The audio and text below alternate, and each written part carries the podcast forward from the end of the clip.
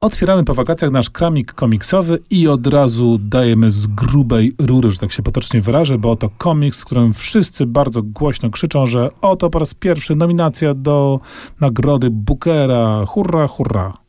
Tak, to pierwsza komiksowa nominacja do Man Booker Prize rzeczywiście, natomiast komiks został uznany za arcydzieło przez wszystkich, w tym takich krytyków, którzy nie zauważyli, że pomiędzy Sabriną Nika Drnaso, bo to o tym komiksie mowa, a e, Mausem Arta Spiegelmana coś się wydarzyło. Rzeczywiście ten komiks trafił do wszystkich, w tym do największych e, komiksowych sceptyków, więc jeżeli są wśród Państwa tacy, którzy tylko raz na dekadę wybierają się do sklepu komiksowego, no to właśnie to jest ten moment, żeby po komiks e, sięgnąć. Przypominam, rzecz nazywa się Sabrina, autorem jest Nick Drnaso i jest to rzecz, która się rozpoczyna bardzo powolutku. Spotykamy tytułową bohaterkę, która spotyka się ze swoją koleżanką, nic się nie dzieje, akcja w ogóle się nie toczy. Chwilę później spotykamy Tediego, który jest jej chłopakiem, który odwiedza swojego znajomego, u którego chce się zatrzymać na jakiś czas, a tu okazuje się nagle, że tytułowa bohaterka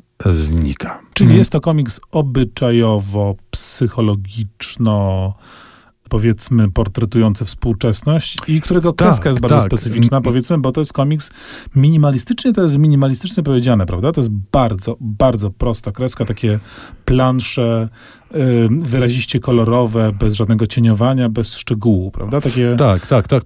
To jest taki e, Tintin dla, dla dorosłych. A Jeszcze Tintin są tu... by był pełen szczegółów w porównaniu z, z To tym, prawda, to prawda, bo tu rzeczywiście w tych kadrach jest niewiele. One przypominają może trochę opera, obrazy, tylko są jeszcze prostsze. E, też są stonowane bardzo kolory, więc e, jakaś taka jednostajność i monotonia obrazu podkreśla tylko ten niepokój, który tu się dzieje, ale wydaje mi się, że to rzeczywiście jest komiks, który mówi bardzo dużo o naszym społeczeństwie, które jest jakoś tam kształtowane przez, no właśnie, e, rzeczywistość internetową, przez spiskowe teorie najróżniejsze.